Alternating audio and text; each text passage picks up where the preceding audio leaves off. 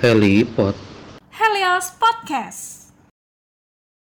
Halo teman Helios, bertemu lagi dalam Helios Podcast. Saya Datu. Saya Wina, kita kembali di Helipod, melek teknologi ya di sini. Wah mantap mantap mantap, keren nih. Eh, jadi apa kabarnya Ibu Wina WFH? Alhamdulillah baik. Bu Datu gimana? Sehat lagi di rumah? Sehat, alhamdulillah. Kita WFH tetap produktif ya bikin podcast. Luar biasa nih, kita udah kayak podcaster profesional nggak sih? Kayak bisa ngerekam podcast tuh masing-masing dari rumah ya, karena kita mengusung kampanye pemerintah yaitu di rumah aja. Ya bener, jadi kita bikin podcast di rumah masing-masing untuk tetap mendukung pemerintah untuk mencegah penyebaran dari COVID-19. Nah, menyambung dari episode podcast kita yang sebelumnya, kita sudah bahas tentang teknologi mobility. Nah, untuk teman Helios yang belum tahu apa itu teknologi mobility, bisa cek di episode Helipod kemarin untuk mengetahui apa itu teknologi mobility. Nah, untuk menyambung ke teknologi mobility, kita kemarin juga udah sempat mention di episode sebelumnya kalau Helios itu punya solusi mobility. Wah, keren banget nih. Namanya Helios Mobility Suite atau biasa kita singkat sebagai HMS. Oke, keren banget. Mungkin uh, merefresh memori teman-teman, HMS itu merupakan salah satu dari fitur atau suatu fungsi mobility yang disebut dengan MDM atau Mobile Device Management. Nah, ngomongin MDM nih, ada kaitannya juga kan tentang teknologi mobility lainnya. Pas banget nih momennya sama work from home karena sekarang semua orang mulai tracking pekerjaan dan doing operasional lewat mobility device nih. Nah, kita kemarin udah ngebahas beberapa modul dari HMS. Uh, specifically ada enam modul. Kita ngobrolin tentang endpoint management, terus ada GPS tracking, security and control, application and content management, messaging, dan kiosk mode. Oke, kayaknya kita akan mulai-mulai dengar penjelasan lebih dalam nih tuh tentang modul-modul ini. Iya, bener Wina kan kemarin kita udah dikasih tahu ya sama narasumber kita kemarin Mbak Selfie tentang enam modul dari HMS itu. Nah, di episode kali ini kayaknya pasti temen Helios penasaran kan modul itu apa aja sih fungsinya, gimana cara kerjanya di HMS. Nah, makanya di episode kali ini kita akan membahas lebih dalam mengenai enam modul dari HMS tersebut. Oke, kalau kemarin kita udah dikasih penjelasan ya bisa dibilang introduction, kita kayaknya sekarang bakalan dengar penjelasan lebih advance nih tentang fitur-fitur atau modul-modul yang udah disebutin di episode sebelumnya. Nah, tak kenal maka tak sayang, kita undang dong speaker kita yang udah ready, yang juga rekam podcastnya dari rumah. Boleh dikenalin tuh? Oke, jadi untuk teman Helios yang udah dengerin Helipod di episode kemarin mungkin udah kenal salah satu narasumber kita yaitu Halo Mbak Selfie, apa kabar? Hai Datu, baik-baik, kabarku baik. Gimana nih WFH Mbak Selfie, aman? Menyenangkan dong, tetap produktif meskipun di rumah.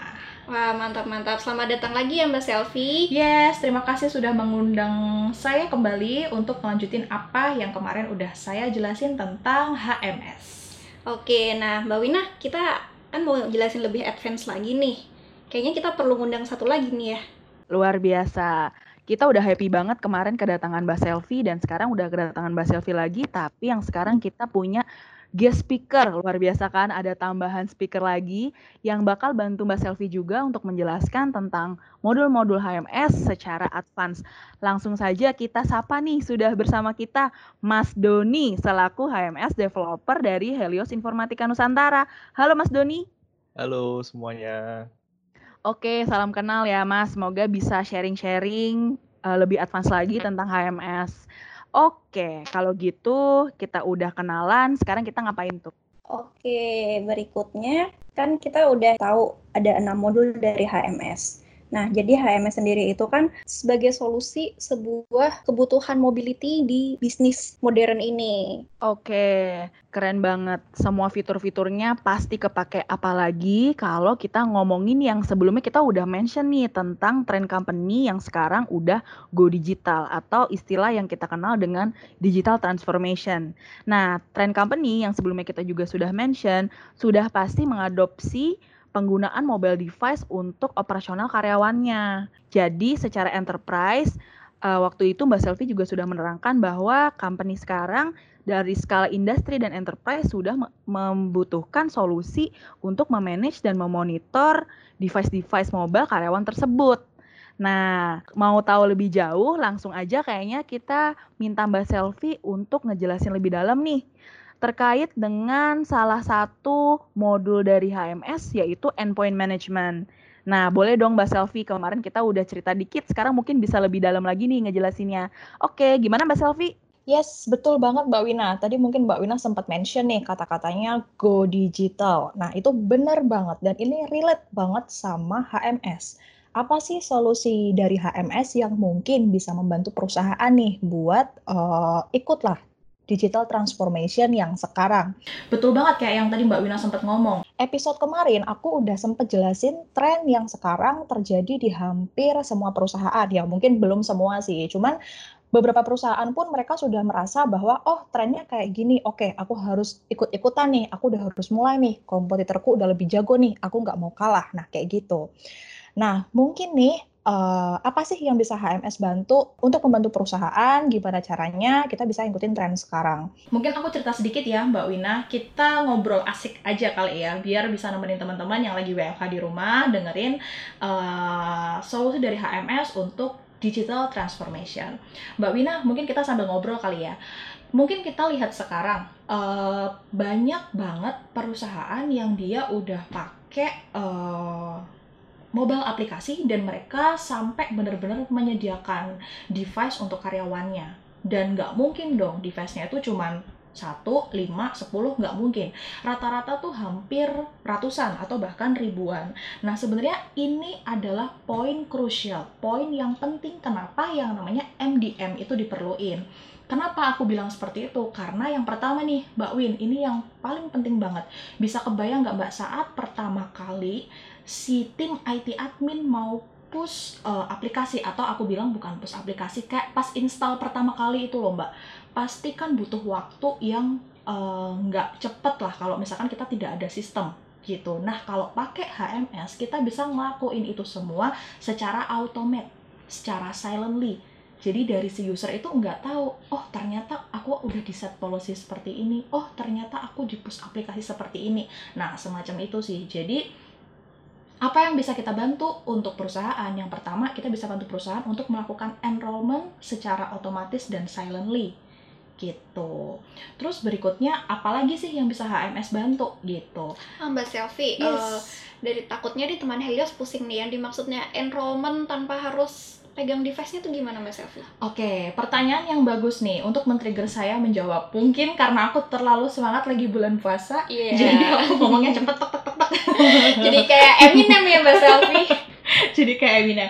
Oke, jadi mungkin tadi pertanyaan yang bagus banget Bu uh, dari Datuk. Jadi uh, apa sih yang sebenarnya dilakuin? Jadi kita kayak bisa ngelakuin semacam uh, install aplikasinya HMS ke device yang nanti mau di monitor pakai portalnya HMS dan itu bisa dilakuin secara otomatis cuman tinggal upload template di dashboardnya kita.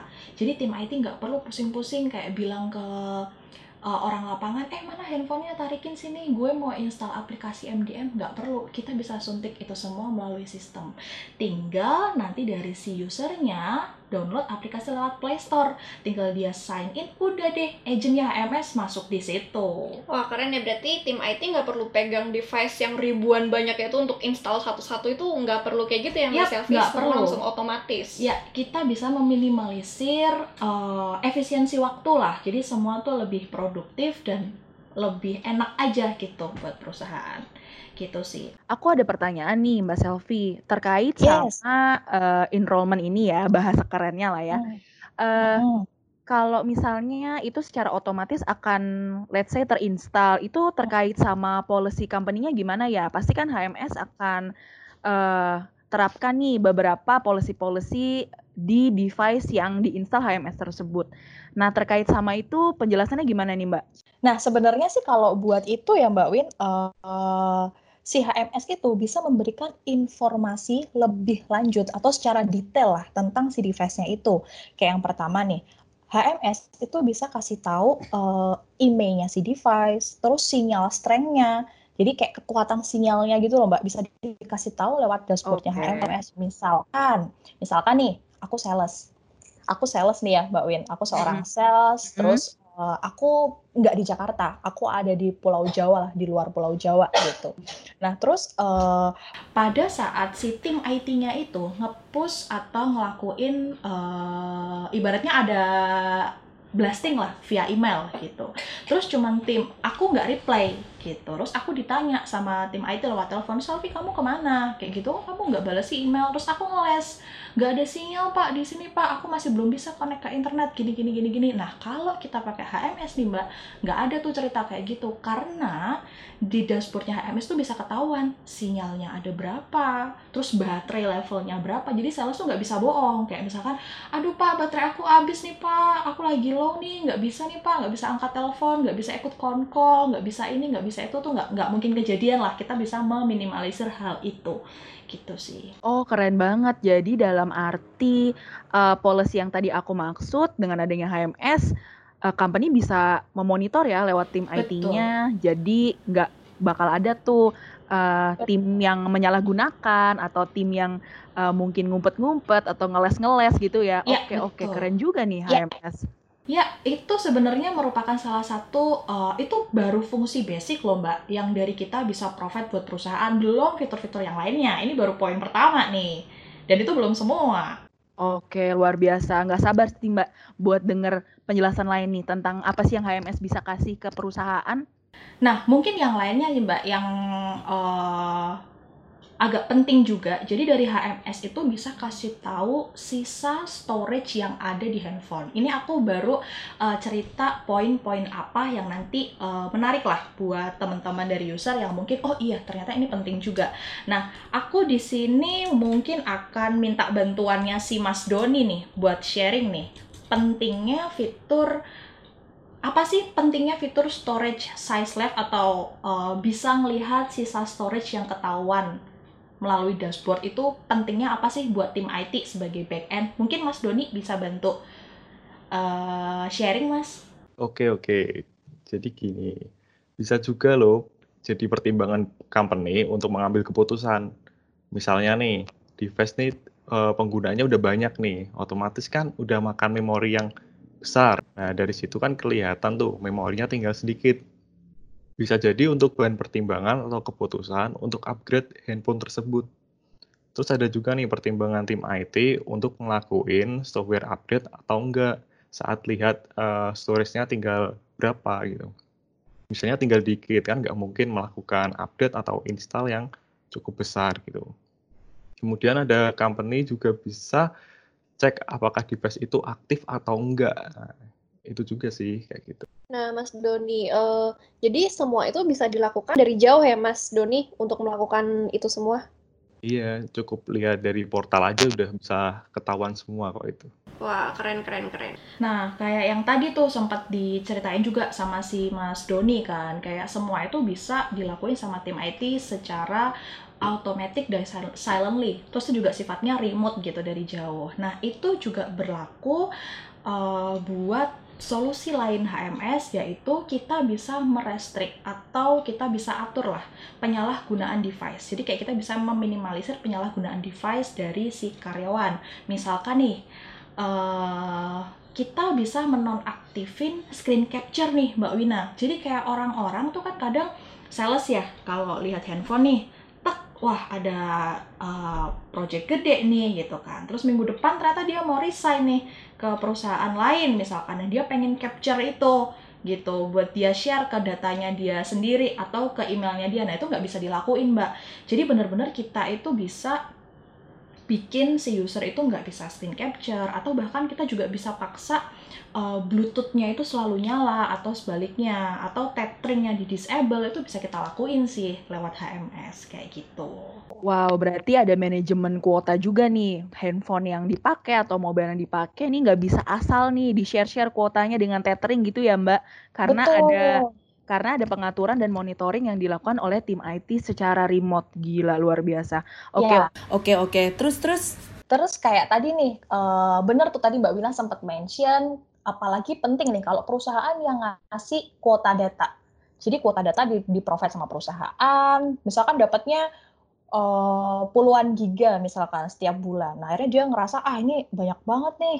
Padahal kan itu harusnya bisa dipakai untuk bulan depannya gitu kan. Tapi karena dia merasa ah ini udah dikasihin ke aku, ya udah aku tethering aja ke handphone pribadi kayak gitu. Misalkan itu bisa diminimalisir pakai HMS. Nah, selain itu nih Mbak Wina, kita juga bisa paksa GPS-nya selalu nyala. Jadi kan aku sempat bilang tethering, hmm. terus uh, Bluetooth. Kita juga bisa paksa GPS-nya selalu nyala. Jadi kayak aku ambil case misalkan ini device dipakai sama kurir yang antar barang.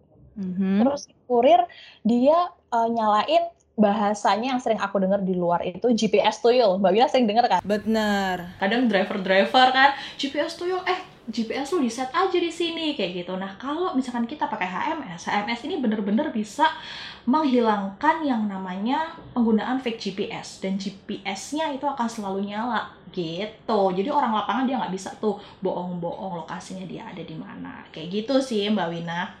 Oke, jadi misalnya si orang ini ada di satu titik, ya kita bisa ngecek ya dia beneran ada di titik itu atau enggak gitu ya. Yap, betul. Terus Mbak, yang paling menarik lagi nih dari fitur endpoint management adalah si HMS itu bisa ngelakuin force lockdown. Nah, ini mungkin denger apa tuh force lockdown gitu kan. Sebenarnya force lockdown itu apa sih? Jadi si HMS itu bener-bener bisa ngelock semua fungsi device, Mbak. Misalkan nih, uh, ada kurir ya, ada kurir dia dipegangin handphone, pada saat dia uh, lagi di jalan lagi lagi lagi di jalan tiba-tiba handphonenya hilang ya kan terus dia panik dia panik attack aduh handphone hilang gini gini gini gini kalau misalkan si kurirnya atau perusahaannya itu nggak pakai solusi semacam ini atau MDM semacam ini, dia pasti kesusahan nge-track device-nya gimana. Nah, kalau si HMS, kita bisa nge-lock semua device-nya itu. Misalkan si si usernya itu bener-bener device-nya hilang, dia kabarin ke tim IT, tim IT-nya bisa ngelok semua fungsi device-nya. Jadi misalkan nanti ditemuin sama orang, orangnya itu nggak bisa ngelakuin apa-apa gitu. Nah ini nih menarik nih, Mbak Wina penasaran kan? Kayak gimana lebih detail fungsinya? Iya iya benar ini ini juga karena menyangkut faktor keamanan juga kan Mbak. Kalau misalnya handphonenya hilang harus gimana sama ya, data-datanya. Betul. betul. Ini menyangkut sama yang namanya aset manajemen. Mungkin dari si Mas Doni bisa bantu lengkapi nih. Sebenarnya apa sih fungsinya atau konsepnya force lockdown di HMS itu gimana? Oke oke kali ini aku jelasin gimana sih proses force lockdown ya. Pada kasus-kasus tertentu fitur ini dapat digunakan oleh tim IT untuk mengunci ke handphone tertentu.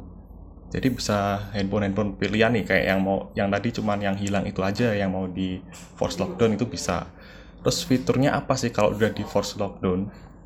Nah itu handphone akan terkunci layarnya akan terkunci kayak semacam di password gitu. Namun yang bisa membuka hanya dari sistem HMS-nya itu sendiri. Kemudian di situ juga otomatis langsung mematikan fitur USB storage yang berfungsi agar data tidak dapat diambil atau dicuri. Selanjutnya ada juga nih mematikan fitur USB debug. Ini untuk berfungsi menghindari akses super user dari perangkat yang terhubung. Misalnya nih HP tadi udah ditemu sama orang, orang mau uh, otak-atik lah ibarat kata sistemnya yang ada di device itu. Nah, dicolokin ke komputer atau laptop. Nah, itu tidak terbaca sama laptop. Kemudian juga ada mematikan firmware dari recovery. Ini berfungsi agar device tidak dapat di flash atau uh, istilah umumnya install ulang. Ya kayak gitu sih. Hmm, jadi nggak bisa diinstal ulang ya. Nah, uh, Mas Doni, mungkin aku mau nanya deh. Aku kan uh, tim produk ya. Kadang aku ketemu sama user juga, ya kan. Jadi aku mewakili pertanyaan. Mungkin nanti orang di luar sana dengar podcast ini penasaran.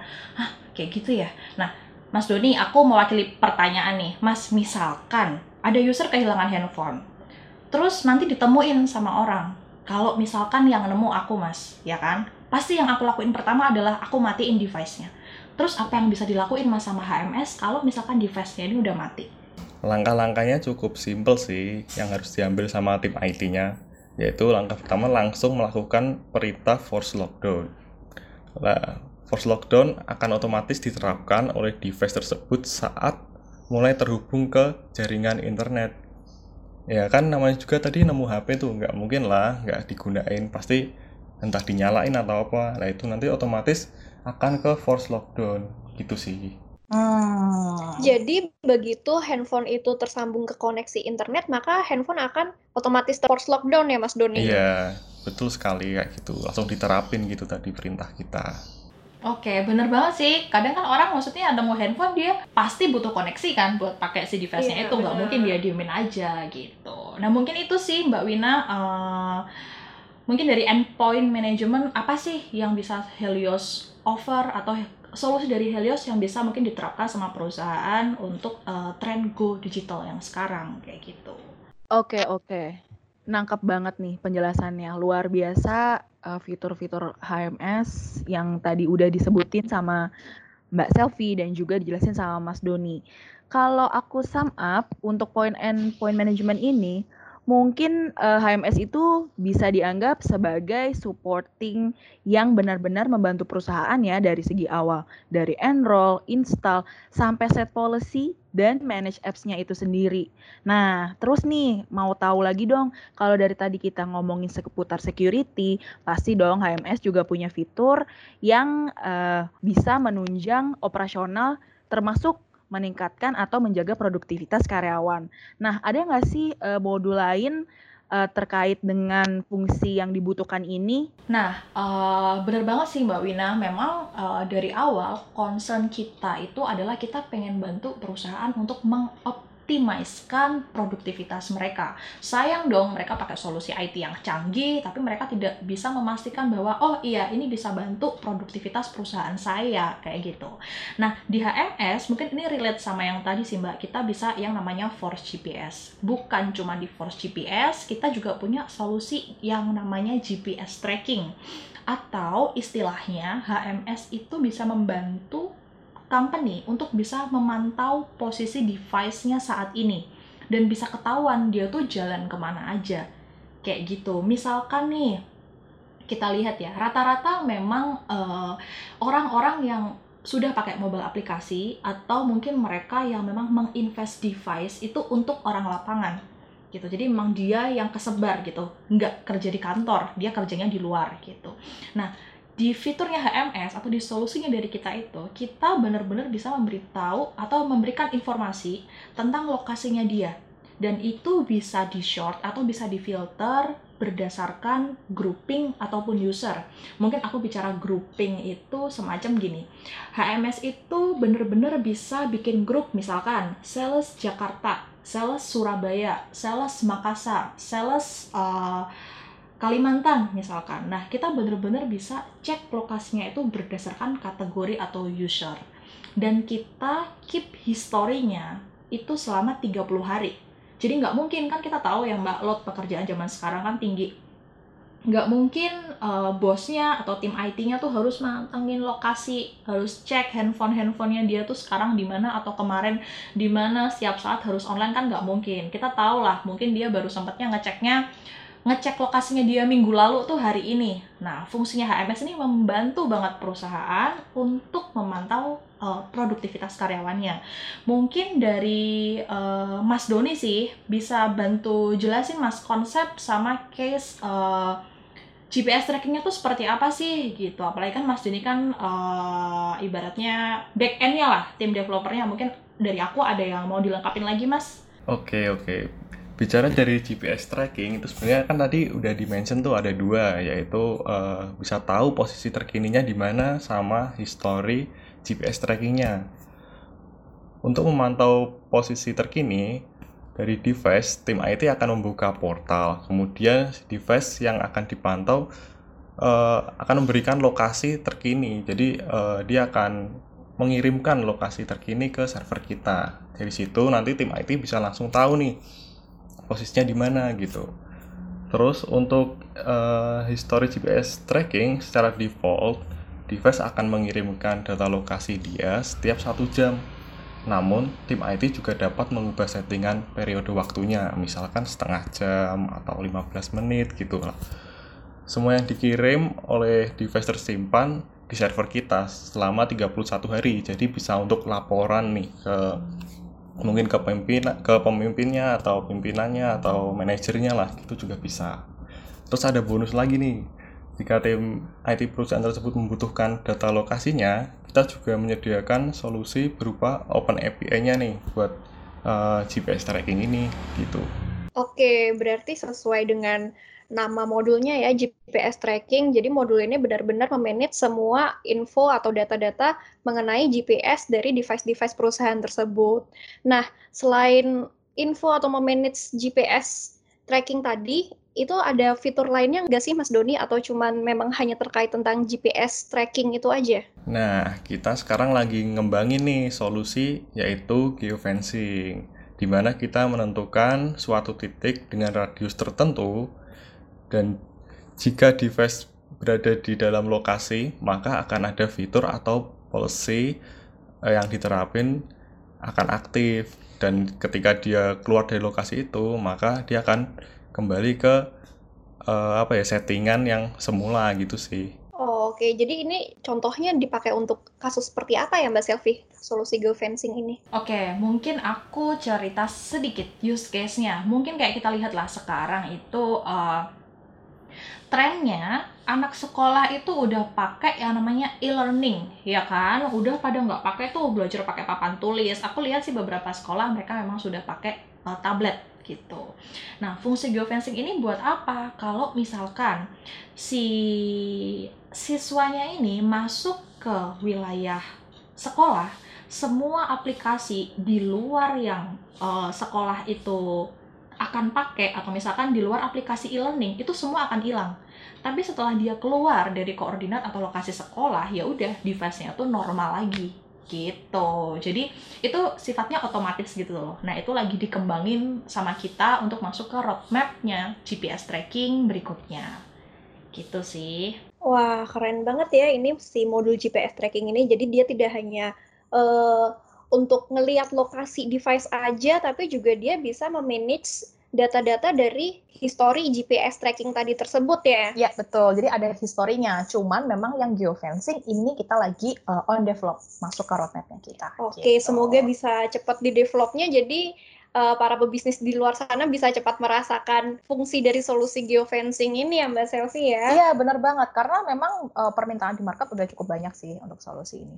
Oke, jadi uh, kita udah bahas dua modul nih. Tadi ada GPS tracking dan uh, endpoint management. Kita dengerin dari dua modul ini aja, fiturnya udah banyak banget ya. Nah, dari dua modul ini kita tahu kalau HMS itu bisa memanage device-device perusahaan, kemudian juga bisa memonitor device tersebut, bisa memonitor lokasi device atau memonitor update softwarenya.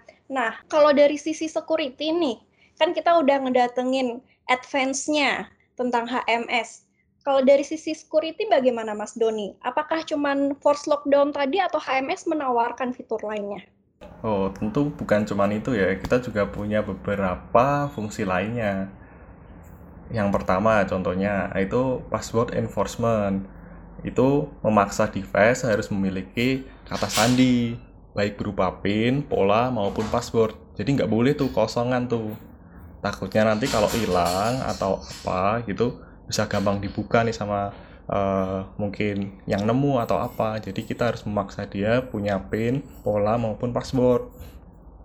Terus yang kedua adalah application access permission yaitu membatasi aplikasi-aplikasi untuk mengakses data device terutama untuk media dan kontak. Gitu sih. Kadang kan ada uh, ada apa aplikasi-aplikasi yang meminta nih untuk akses media maupun kontak dan kadang mereka mencurinya gitu. Jadi kita untuk membatasinya tuh kita bisa ngatur itu gitu.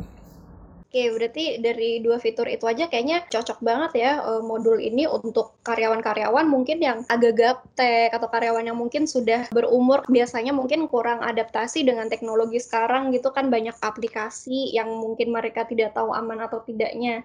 Jika menggunakan fitur itu bisa bisa terjamin keamanannya ya Mas Doni ya. Iya, sama ada satu lagi sih Mbak, yaitu adalah uh, connectivity check. Ya, di sini jadi setiap jaringan atau GPS pada device mati dalam kurun waktu misalkan satu jam atau setengah jam, maka aplikasi yang ada di device ikonnya itu akan hilang atau berubah menjadi abu-abu gitu mbak jadi nggak bisa digunakan gitu sih Jadi harus memaksa untuk aktifin GPS dan jaringannya gitu. Oh, oke. Okay. Berarti connectivity check ini untuk fungsinya memeriksa ya apakah device ini masih digunakan oleh karyawan atau tidak ya Mas Doni? Betul sih, bisa kayak gitu juga. Oke, keren banget ya. Berarti selain fungsi force lockdown yang tadi udah dijelasin, ternyata HMS juga memiliki modul security and control. Jadi nggak cuma level memanage device aja, tapi juga HMS sudah mengembangkan solusinya memasuki ke level security. Wah, udah lengkap banget ya dari modul yang udah dijelasin ini. Nah, tapi kan tadi seperti sudah dijelasin di awal, kalau tim IT bisa menginstal update di device secara otomatis hanya melalui dashboard. Nah, untuk install update itu, apakah tim IT juga bisa melihat aplikasi-aplikasi apa saja yang terinstal di device atau hanya menginstal update tersebut saja, Mas Doni? Atau kita juga dari tim IT bisa melihat uh, aplikasi-aplikasi yang ada di, di device itu apa aja? Oke, okay, uh, eh, di dashboard kita tuh tim IT jelas punya view, punya view uh, di masing-masing device tuh udah terinstall belum nih? Tadi misalnya kita mau kita uh, butuh 5 aplikasi nih untuk menjalankan pekerjaan gitu. Nah, namun di device itu baru ada empat lah. Di sisi kita tuh bakal bisa lihat nih, oh ternyata baru empat nih yang terinstall. Satu lagi gimana kan kita nggak mungkin tuh. Misalnya kita tim IT-nya di Jakarta, sementara uh, device-nya ada di Sulawesi. Kan nggak mungkin kan device-nya ditarik ke sini atau kita memaksa si karyawan install dong ini nah daripada gitu nah kita bisa nih uh, melakukan push silent jadi kita install yang kekurangannya tadi secara diam-diam gitu sih nanti tiba-tiba udah keinstal aja di device sana gitu oh oke okay. berarti tidak hanya menginstal tidak hanya menginstal update tapi juga bisa push silent ya nah uh, untuk dari sisi aplikasinya sendiri, Mas Doni, apakah tim IT juga bisa memanage-nya dari jauh? Tentu bisa, Mbak. Semua uh, semua device yang tersebar tadi itu semuanya full remote dari tempat kita sih, dari view dashboard kita gitu.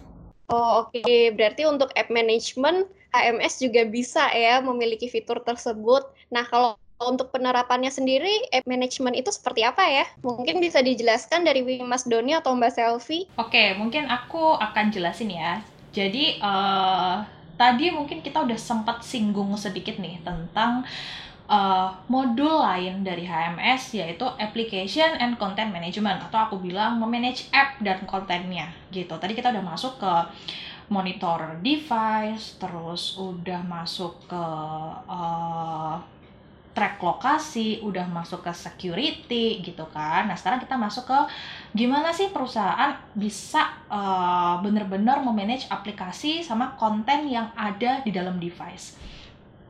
Nah, si HMS ini bisa bikin yang namanya corporate play store. Nah, ini tuh penting banget. Bisa kebayang nggak kalau misalkan dalam suatu perusahaan mereka masih mending kalau cuman perusahaan uh, aplikasinya satu doang tuh masih mending. Bisa kebayang kalau aplikasinya lima terus tim IT-nya itu harus installin satu-satu. Nah, itu kan butuh waktu yang banyak ya. Nah, kalau HMS itu bisa bikin corporate play store. Jadi dalam play store itu cuman bener-bener ada aplikasi kantor doang.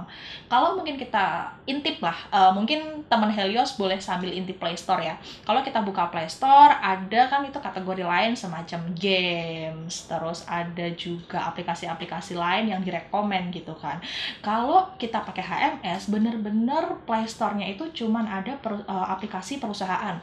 Jadi kategori aplikasi lain itu nggak ada bener-bener di hide kayak gitu Terus juga bicara aplikasi content management, HMS itu juga bisa melakukan whitelist atau blacklist aplikasi. Nggak cuma aplikasi, ini juga bisa di URL aksesnya.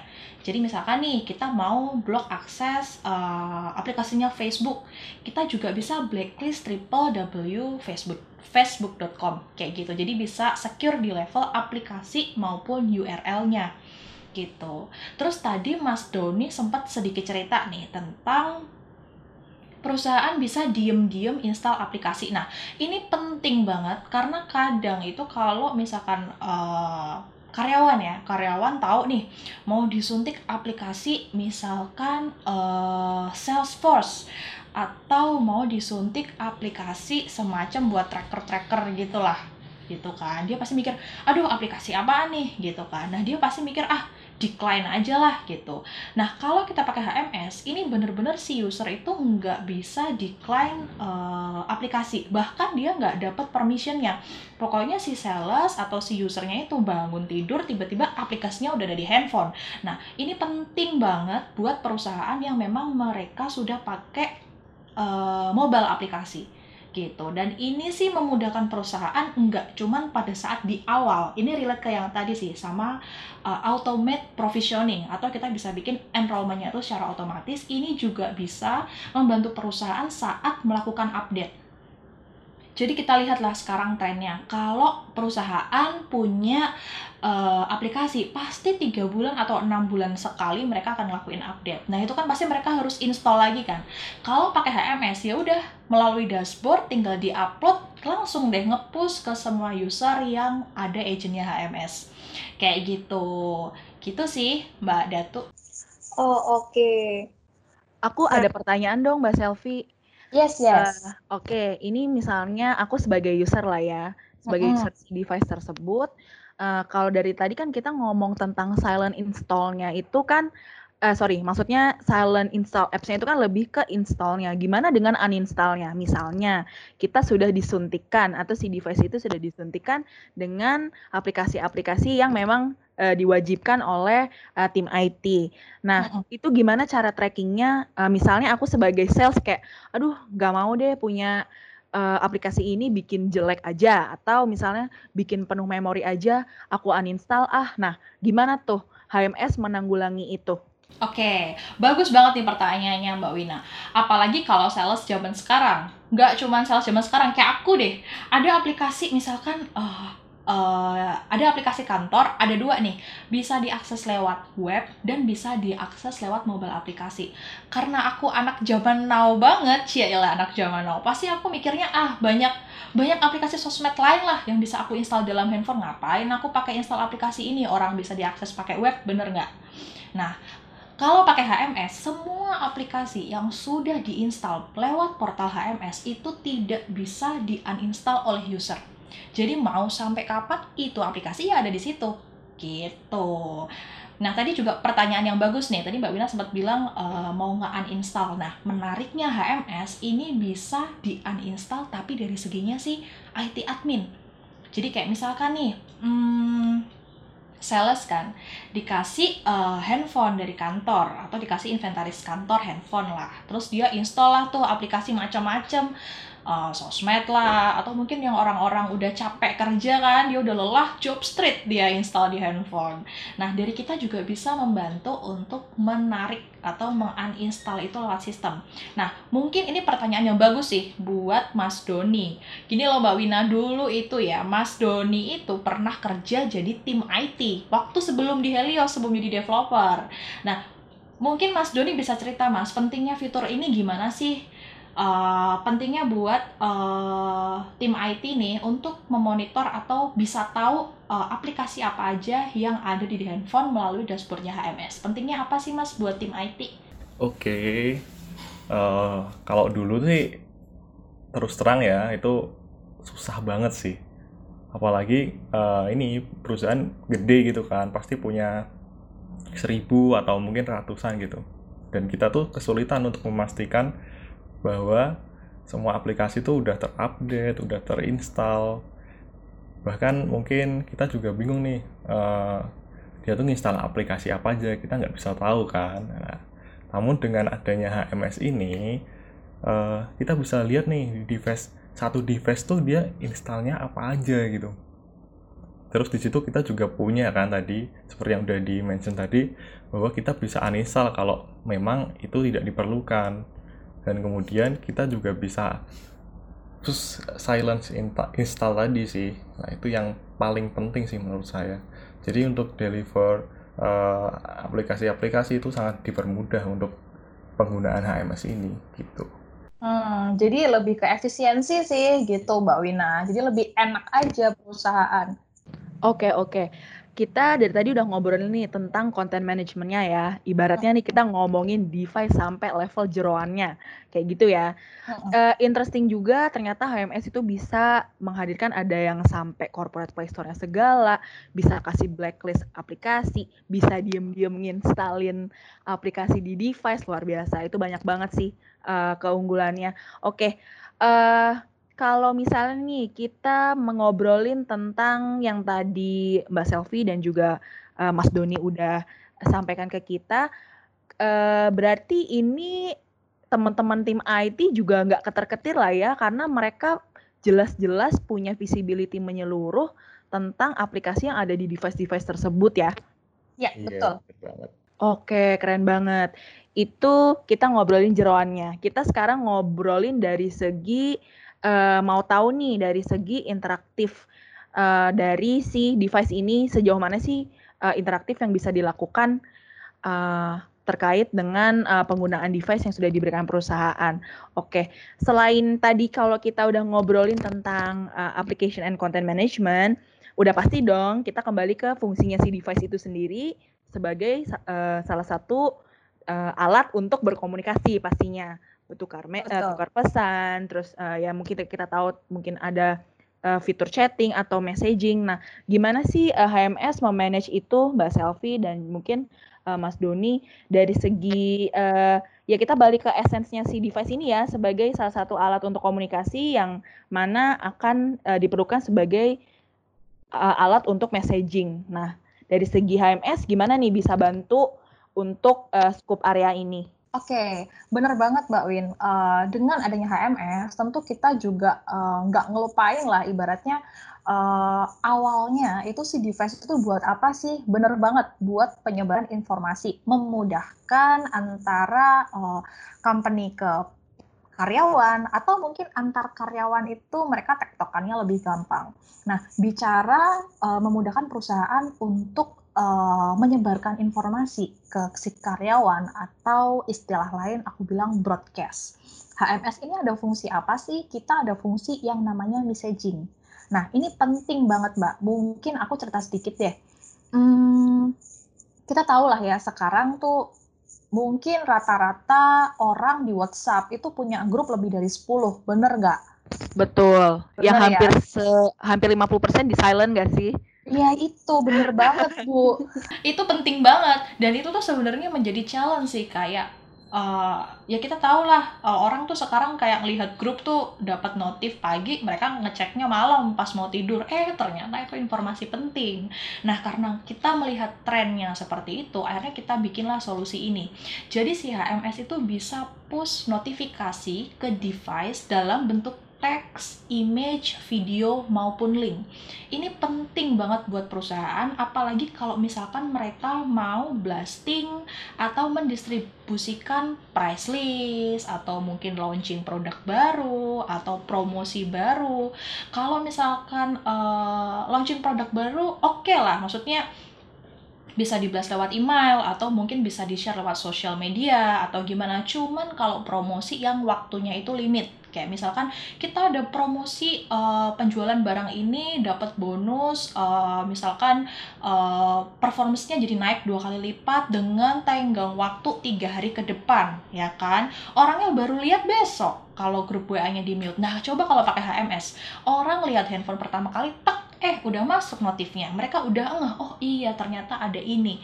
Gitu sih Mbak Win. Ya oke. Okay. kalau dengerin tadi penjelasan dari Mbak Selvi tentang uh, broadcast feature ini ya sekarang udah nggak peduli ya mau device itu di mute kayak di silent kayak pokoknya informasi ya harus disebar ya gitu ya Mbak.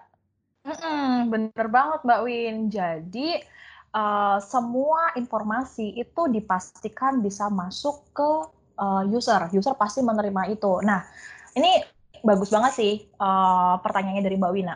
Mungkin nih uh, kita tahu lah ya rata-rata orang yang pakai device itu adalah orang lapangan, bener nggak? Betul. Dan rata-rata itu sales ya kan. Terus ya. sales tuh modalnya kan jago ngeles tuh, jago ngeles, jago acting ya kan. Terus dia tiba-tiba tiba-tiba dia bilang tuh ngeles, aku nggak dapet tuh notif dari uh, kalian aku nggak tahu tuh ada pop up masuk apalagi kalian pop up image aku nggak tahu tuh kayak gitu kan. Nah itu nggak mungkin terjadi di HMS karena kita ada yang namanya fitur history messaging. Nah ini mungkin uh, Mas Doni sih yang akan jelasin nih. Oke, jadi pesan ini tuh nanti bakal berupa pop up gitu sih. Dia berjalan di layar paling depan gitu. Jadi nutupin semua yang ada di belakang-belakangnya gitu jalan satu-satunya untuk close pop-up itu yaitu dengan cara membaca dan menekan tombol tombol close gitulah. Nah, di saat itu juga device tersebut mengirimkan info ke server, memberikan info bahwa ini loh sudah dibaca dan sudah di close gitu. Nah, dengan kayak gitu maka pengguna pasti kan udah membaca tuh dan dipastikan juga dia tahu kalau ada pesan gitu sih. Oke, berarti uh, nggak bisa lagi ya yang namanya karyawan tuh alasan, aduh maaf chat tenggelam, aduh emang ada chat masuk ya gitu nggak mungkin alasan lagi karena pasti dari sistem udah ngebaca apakah si karyawan udah ngebuka message-nya atau belum ya Mas Doni. Iya bener banget, apalagi tadi pop-up-nya kan lumayan tuh mengganggu tuh nggak bisa melakukan aktivitas lain kalau belum di close tuh mbak gitu. Oke, jadi mau nggak mau kalau pegang HP pasti udah langsung muncul terpampang nyata di layar handphone pesan dari sistem itu ya. Iya, Wah, keren, keren, keren. Kalau soal message, uh, berarti udah nggak bisa ini lagi ya, udah nggak bisa pura-pura lagi ya, karena uh, untuk misalnya nih, kalau mau ngejelasin tentang satu promo ke klien gitu kan. Itu kan harus berdasarkan mungkin dari katalog yang disampaikan sama uh, tim IT gitu ya. Jadi udah nggak bisa bohong-bohong lagi nih karena pasti tim IT udah push uh, current current promo yang paling update apa gitu kan. Nah misalnya nih kalau salesnya aku ngaku bilang nggak terima nih mbak message-nya bisa juga dong Uh, nah, sebenarnya kalau HMS itu kita ada yang namanya kayak itu sih Mbak, history messaging. Jadi semacam kalau di pesan itu ada inbox. Jadi apa aja sih pesan yang masuk itu ada semua trackingnya di agentnya HMS gitu. Jadi bisa ketahuan lah, oh ternyata uh, ada pop up uh, di menit ini dari sini ya tentang ini ya kayak gitu. Jadi benar-benar dengan adanya modul ini company itu bisa memastikan bahwa si user itu sudah menerima informasi itu update. Jadi nggak ada tuh yang namanya miss informasi lah, dia belum dapat lah gitu. Jadi kita bisa memastikan si user itu dapat informasi terupdate gitu sih. Oke, keren, keren, keren. Nah, kita dari tadi udah ngobrol nih tentang fungsi si messagingnya ini. Nah, tapi tahu nggak sih, kayaknya tuh HMS tuh punya satu fitur lagi deh yang kayaknya nih uh, Datu interest banget nih tentang custom device. Nah, apa sih tuh yang tadi kita udah obrolin mungkin mau ditanyain langsung ke expert kita sekarang? Nah, iya nih, kan kalau tadi dari Mbak Selvi dan Mas Doni menjelaskan, kayaknya kalau didengar-dengar, aduh HMS nih kayaknya emangnya khusus buat sales aja ya, atau mungkin yang lain nggak bisa pakai ya. Nah, makanya di sini tuh aku penasaran banget, apakah HMS itu bisa yang namanya uh, mengcustom device. Jadi mungkin uh, pengusaha-pengusaha di luar sana, pebisnis-pebisnis di luar sana yang mungkin bukan punya karyawan sales, tapi pengen pakai HMS nih untuk kebutuhan bisnis dia itu itu bisa nggak sih kalau kira-kira pakai HMS? Ya bisa banget itu Mbak Datu. Jadi uh, gini sih, uh, eh, HMS itu memang ya mostly atau sebagian besar itu user kita memang digunakan untuk uh, orang lapangan. Jadi rata-rata memang orang lapangan yang mereka pakai device gitu. Tapi sebenarnya di balik itu tuh banyak banget uh, industri lain yang bisa uh, menerapkan HMS atau MDM ini. Contohnya nih, atau secara garis besar, Mbak tuh pernah nggak sih ke restoran, terus uh, di mesin kasir itu ada, uh, aku bilang mesin kasirnya itu nggak lagi pakai Hmm, PC, mereka pakainya udah tablet, bener nggak? Oh ya benar-benar ini kayak yang di episode kemarin kita obrolin ya, ya yang betul. kita pesen sushi nggak perlu ke kasir atau buka buku menu tapi pakai tablet. Ya itu juga salah satunya. Jadi memang benar-benar si device-nya itu di custom untuk uh, operational business. Contohnya uh, bicara kayak tadi tuh di episode lalu aku sempat bilang kita ke restoran sushi, terus kita sebagai customer kita udah nggak lagi pesan lewat buku menu, kita bisa pesan pakai aplikasi. Nah itu bisa dibilang adalah fungsi dari kiosk mode. Kita benar-benar bisa mengcustom device itu untuk uh, keperluan tertentu atau bahasa kerennya atau bahasa kita biasanya ngomong itu single purpose device. Jadi benar-benar device-nya tuh di custom untuk keperluan yang spesifik gitu. Jadi dalam device itu cuma ada aplikasi. Misalkan kita bilang di restoran sushi ya, ya cuma ada menu si sushinya itu, atau di kasir ya cuma ada POS-nya itu, semacam itu sih. Atau kalau di industri lain orang lapangan ya cuma ada aplikasi surveyor, semacam itu, gitu sih. Dan kalau si HMS ini bisa melakukan uh, kiosk mode nggak cuma single aplikasi, tapi kita juga bisa multi app jadi nggak cuma satu aplikasi, toh kita juga bisa bikin uh, beberapa aplikasi di pool di device itu, gitu. Dan yang paling penting, uh, mungkin ini sepele sih, tapi menurut saya ini penting karena kalau kita lihat ya uh, penggunaan device untuk uh, operational business pasti perusahaan itu mereka pengennya awareness soal branding bener nggak? Nah, dari HMS ini kita benar-benar bisa custom si backgroundnya itu menjadi logo perusahaan. Jadi benar-benar enggak bisa diganti dengan foto lain. Jadi kalau misalkan uh, ada karyawan betul, iseng yang ada narsis, iseng, narsis ya kan, mungkin narsis gitu terus dia foto atau yang paling penting kayak uh, di restoran sushi lah, di restoran sushi kan nggak lucu kalau misalkan sorry malah justru lucu deh bukan nggak lucu kan jadi lucu kalau iya, misalkan lucu, ya.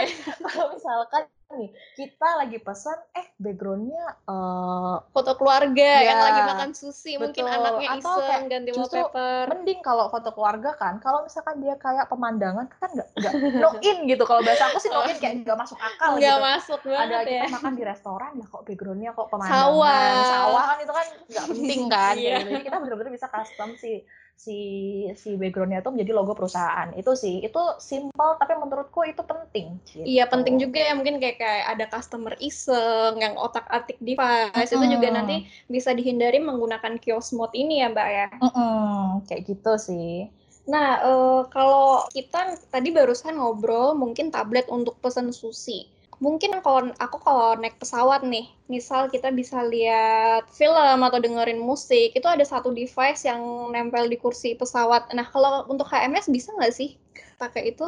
Ya, bisa dong. Itu justru uh, salah satu offering kita sih buat uh, industri, aku bilang transportation ya. Berarti kita bisa ngelakuin uh, in-flight entertainment, atau mungkin kita bisa lakuin juga kan kadang kalau kita naik uh, ojek online nih, untuk yang mobil nih, ya kan? Kadang kan di belakang itu kan, di seat belakang itu kayak ada tablet, isinya iklan-iklan kan. Oh, iya, nah, benar, itu mereka juga pakai solusi yang sama sebenarnya kiosk mode dan itu juga bisa dilakuin sama HMS. Wah, keren banget ya berarti eh, HMS ini nggak cuman yang kita dengar memanage aplikasi atau enroll segala macam, tapi juga bisa mengcustom device sesuai dengan kebutuhan industri usernya ya Mbak Selvi ya. Betul, betul. Nah, untuk bisa custom device seperti ini, kan kadang ada user yang aku mau device aku untuk POS atau aku mau eh, device aku untuk eh, entertainment. Mm-mm.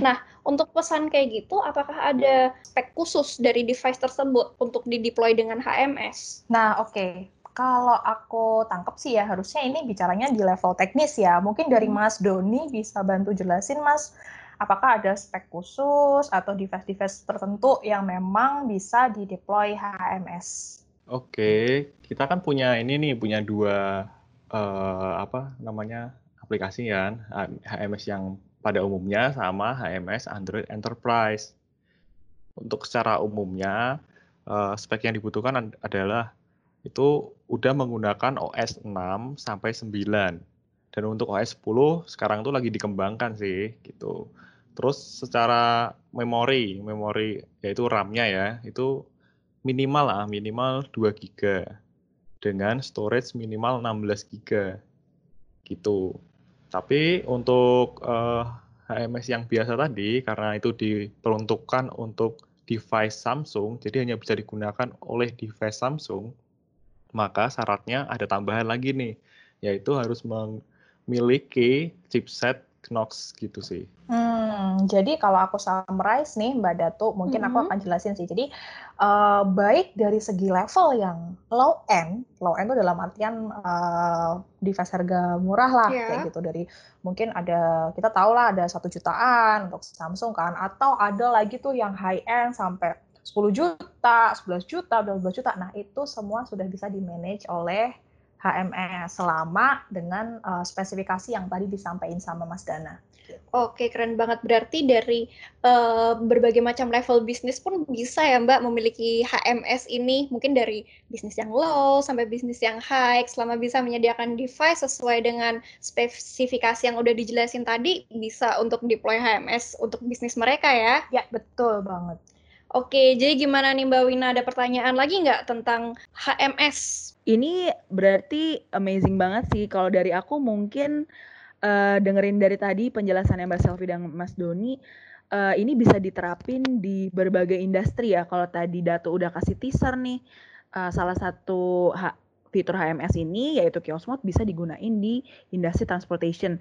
Sebenarnya sih masih ada beberapa industri lagi ya yang bisa menerapkan HMS ini. Ya, sebenarnya eh, banyak industri sih, Mbak Wina, nggak cuman spesifik industri, mungkin eh, hampir semuanya lah kita bisa bener-bener custom, agriculture bisa dipakein HMS, distribution bisa, logistik juga bisa, multi finance juga bisa, atau mungkin retail, transportation pun juga bisa, gitu. Oke, keren banget nih. Berarti eh, HMS itu tidak terbatas hanya untuk beberapa industri saja, tapi bisa untuk semua industri ya Mbak Selvi ya. Ya, betul. Oke, dari perbincangan kita di episode podcast Helipod hari ini, kita jadi ngerti banget nih, oh ternyata HMS itu punya fitur yang banyak banget dari enam modul. Padahal modulnya cuma 6, tapi fiturnya banyak banget ya Mbak Wina. Bener banget, kita nggak nyangka ya ternyata dibongkar, dibelah-belah. Wow, HMS punya banyak banget eh, spek-spek atau modul-modul yang bisa memenuhi seluruh kebutuhan dari any kind of industry. Keren abis, keren abis HMS. Keren, keren, keren. Jadi tadi udah kita dengerin ya kalau ternyata dengan HMS kita bisa memanage device-device perusahaan itu dari jauh dan terotomatis hanya melalui dashboard. Terus juga kita juga bisa meningkatkan efektivitas karyawan dan juga kita bisa memantau eh, kinerja karyawan. Jadi kinerja karyawan pun juga bisa meningkat dengan menggunakannya HMS dan mengurangi kecurangan-kecurangan dari karyawan tersebut juga. Nah, tadi seperti Mbak Selvi udah jelasin, HMS pun ternyata nggak cuma untuk karyawan lapangan aja. Kalau HMS itu juga bisa mengcustom device sesuai dengan kebutuhan bisnis. Nah, melek banget nih sama teknologi yang satu ini. Dari tadi kita udah dengerin semua modul dan fitur yang dapat dihadirkan oleh HMS untuk memenuhi kebutuhan mobility dari industri. Kita ngobrolin dari segi manage, dari segi security, productivity, dan lainnya. Nah, meskipun kita udah dapat teaser tentang salah satu industri yang dapat menerapkan HMS yaitu industri transportasi. Tapi bukan cuma itu. HMS juga dapat memenuhi kebutuhan mobility dari industri-industri lain, agriculture, distribution, logistik, multi-finance, dan retail. Nah, pasti teman Helios penasaran nih sama gimana caranya HMS memenuhi kebutuhan mobility dari industri-industri ini. Kita akan bahas secara detail di Helios Podcast episode berikutnya. Nah, supaya teman Helios nggak penasaran dengan episode berikutnya dari Helipod, tetap stay tune di sosial media Helios Informatika Nusantara, bisa follow Instagram at Helios Informatika, atau like Facebook page Helios Informatika Nusantara, atau LinkedIn di Helios Informatika Nusantara. Teman-teman juga bisa follow kita di Spotify dengan search podcast Helipod untuk selalu dapat update episode-episode terbaru dari podcast Helipod. Oke, sebelum kita tutup eh, helipod kita untuk episode kali ini, eh, kita sama-sama ucapkan terima kasih terlebih dahulu nih ke seluruh, cuman dua sih, tapi amazing untuk semua speaker kita di Helios Podcast kita hari ini. Thank you so much kepada Mbak Selvi. Yes, thank you Mbak Wina atas waktunya. Oke, terima kasih juga sama Mas Doni atas penjelasan advance-nya. Oke, thank you juga Mbak Wina. Akhir kata dari saya, saya Wina. Saya Datu. Sampai jumpa lagi dalam Helios Podcast Helipod. Melek, Melek teknologi, teknologi ya di sini. Dah.